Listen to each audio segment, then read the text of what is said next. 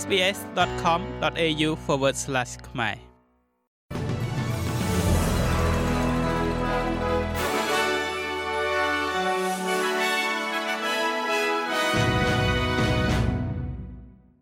សូមស្វាគមន៍មកកាន់នេតិព័ត៌មានខ្លីៗរបស់ SBS ខ្មែរសម្រាប់ថ្ងៃប្រហ័សទី19ខែតុលា ឆ្នាំ2023 រដ្ឋមន្ត្រីក្រសួងមហាផ្ទៃលោកស្រី Claire O'Neil បានលើកសរសើរដល់កិច្ចខិតខំប្រឹងប្រែងរបស់កងកម្លាំងការពារព្រំដែនអូស្ត្រាលីនៅក្នុងការធានាការវិលត្រឡប់មកវិញប្រកបដោយសុវត្ថិភាពរបស់ពលរដ្ឋអូស្ត្រាលីពីប្រទេសអ៊ីស្រាអែលវាកើតឡើងនៅពេលដែលជើងហោះហើរចុងក្រោយដែលបានគ្រោងទុកដោយរដ្ឋាភិបាលសហព័ន្ធ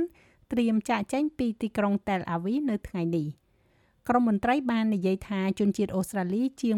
1500នាក់ដែលបានចុះឈ្មោះជាមួយក្រសួងការបរទេសបានចាក់ចេញពីតំបន់នេះខណៈដែលប្រជាជនអូស្ត្រាលីប្រហែលជា1200នាក់ទៀតកំពុងតែតាក់ទងជាមួយរដ្ឋាភិបាលនិងទទួលបានព័ត៌មានថ្មីៗអំពីការវិលត្រឡប់មកប្រទេសវិញ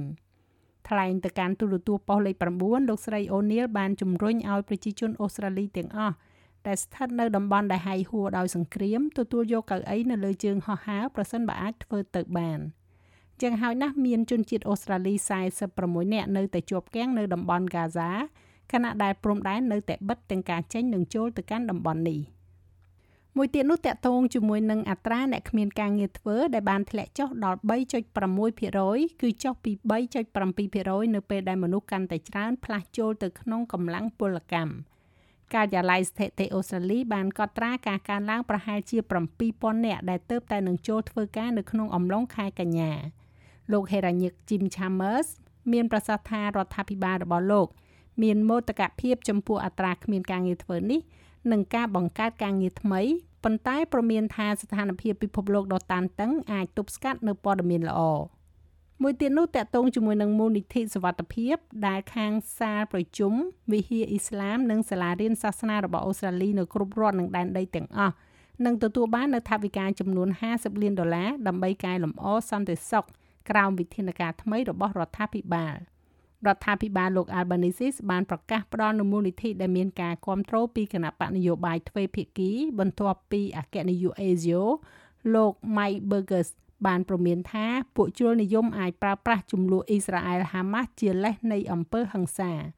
វាកើតឡើងបន្ទាប់ពីទឹកប្រាក់40លានដុល្លារដំបូងត្រូវបានប្រកាសសម្រាប់កន្លែងគោរពបូជានៅក្នុងខែកក្កដាហើយដោយរដ្ឋាភិបាលផ្ដល់បន្ថែម10លានដុល្លារសម្រាប់កម្មវិធីជំនួយចំនួន177សម្រាប់សាលាសាសនា និងមត្តេយ្យសិក្សា កន្លែងគោរពបូជា និងមជ្ឈមណ្ឌលសហគមន៍ផ្អែកលើជំនឿ។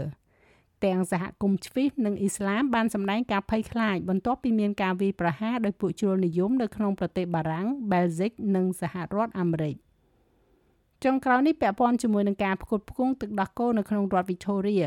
ផ្សារទំនើបធំធំនៅក្នុងរដ្ឋ Victoria បានធានាដល់អតិថិជន ថាมันមានការខ្វះខាតទឹកដោះគោឬក៏ដាក់ដែនកំណត់នៅក្នុងការទិញនោះទេខណៈដែលកម្មកររោងចក្រទឹកដោះគោដើរចេញពីការងារសម្រាប់ថ្ងៃទី2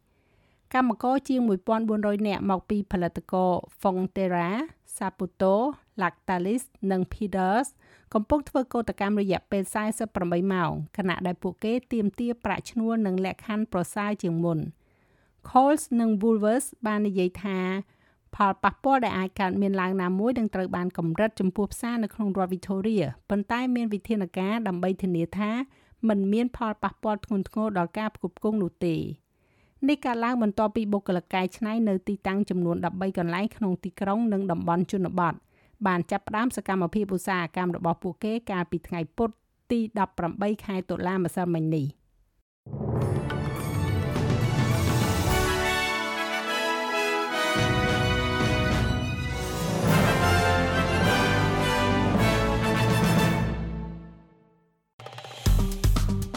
ចុច like share comment និង follow SPS ខ្មែរនៅលើ Facebook